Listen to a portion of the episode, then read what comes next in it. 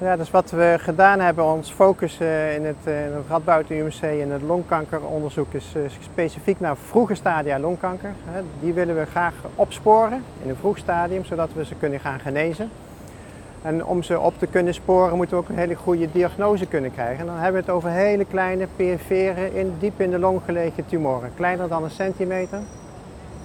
En daar willen we goede biopten van nemen en we gaan die vroege tumoren, die gaan we juist steeds vaker zien. We willen ze vinden, maar ze zijn zonder symptomen, maar ze willen, willen ze vroeg gaan opsporen. Dus nou, veel nu op het congres gaat ook over longkankerscreening. In Nederland zijn we daar druk mee doende om longkankerscreening uh, ja, op de agenda te krijgen en ook georganiseerd te gaan krijgen. We dragen natuurlijk ook heel veel aan bij met allerlei onderzoeken in ons land. Maar als we gaan screenen, dan gaan we die hele kleine tumoren ook vinden. Maar dan willen we wel, voordat we die mensen een operatie aandoen, een diagnose krijgen. Dus mijn onderzoek gaat over het beter verkrijgen van zo'n kleine, van biopten, hè, diep in de long, van die, eh, van die kleine tumoren. En wat we daarvoor doen, is een ja, nieuwe techniek gebruiken om die, uh, om die tumoren te bereiken via de natuurlijke weg van de bronchus, via de bronchoscopieën. Wat hebben we gedaan? We hebben een, uh, normaal iedereen in Nederland gebruikt een bronchoscoop en gebruikt gewone doorlichting met de C-arm als je die al hebt, hè, om diep in de long te kunnen komen en ja, te zien waar je je biopte gaat nemen. Er zijn allerlei nieuwe technieken inmiddels al op de markt. Elektromagnetische navigatie is een hele belangrijke.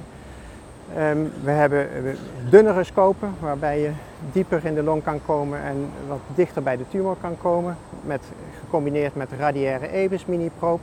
Dat is virtuele bronchoscopie. En een combinatie van die, al die dingetjes. Als we nou kijken naar de standaard bronchoscopie zoals we nou, eigenlijk heel Nederland doen. Gewone bronchoscopie met een, uh, met een gewone doorlichting, röntgendoorlichting. Is de kans dat je een diagnose gaat krijgen van zo'n kleine tumor 30%.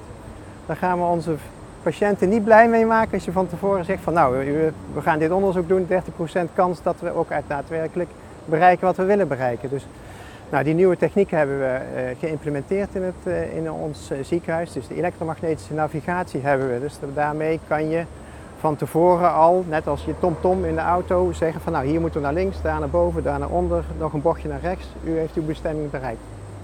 Dat systeem hebben we in gebruik nu.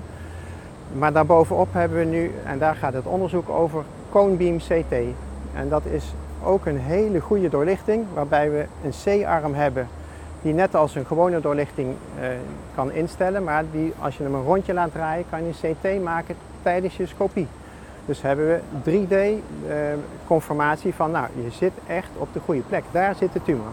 En die Conebeam CT hebben we gebruikt in twee klinische workflows. Dus als Conebeam CT alleen Daarop eh, doen we de scopie. We leggen de patiënt, komt op de operatiekamer of de onderzoekskamer. Beginnen met de CT-scan, want we weten al, er nodulen. We maken die CT-scan ter plekke. En dan op die CT kunnen we aanwijzen, daar zit hij. Gaan we driedimensionaal uittekenen en dat als een overlay, als, als, een, als een projectie tijdens je doorlichting gebruiken. En meteen ook de route daar naartoe op de CT direct plannen. Dat is de ene arm van de CT. De andere arm die we gebruikt hebben is dat elektromagnetische navigatiesysteem. Hè. Dus die TomTom, -tom, heb je van tevoren je pad gemaakt, je route bepaald.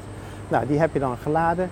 Daarmee gaan we dan eerst de route navigeren en op het moment dat, nou ja, vergelijk het met je auto, u heeft uw bestemming bereikt, zeg maar. Hè, op dat moment maken we dan weer zo'n CT, zo'n Conebeam CT van, nou, klopt het wel? Sta je wel voor de goede deur?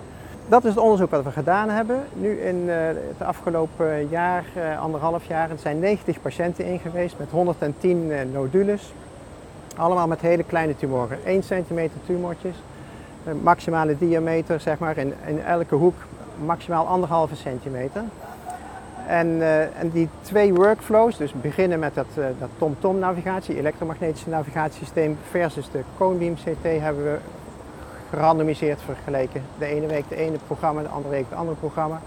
En dan zien we dat we uh, bij die hele kleine tumoren kunnen komen. Op, met alleen die Conebeam CT zitten we al nou, rond de 80% dat het lukt om erin te komen. Terwijl als we alleen die elektromagnetische navigatie gebruiken, dat is ook al een, een, goede stap, zitten we op de 50%. Als we alleen één tool gebruiken.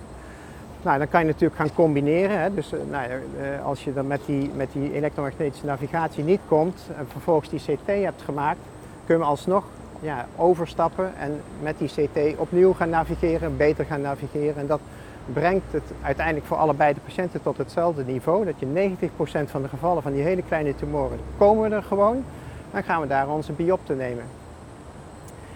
Nou is het enige nadeel dat we zijn er, we nemen onze biopte, maar vervolgens kan de patholoog toch nog niet in alle gevallen 100% zeker zeggen, is het nou longkanker of niet. Dus onze navigatiesucces zit rond de 90% en dan is het voor de Conebeam begint het al heel goed.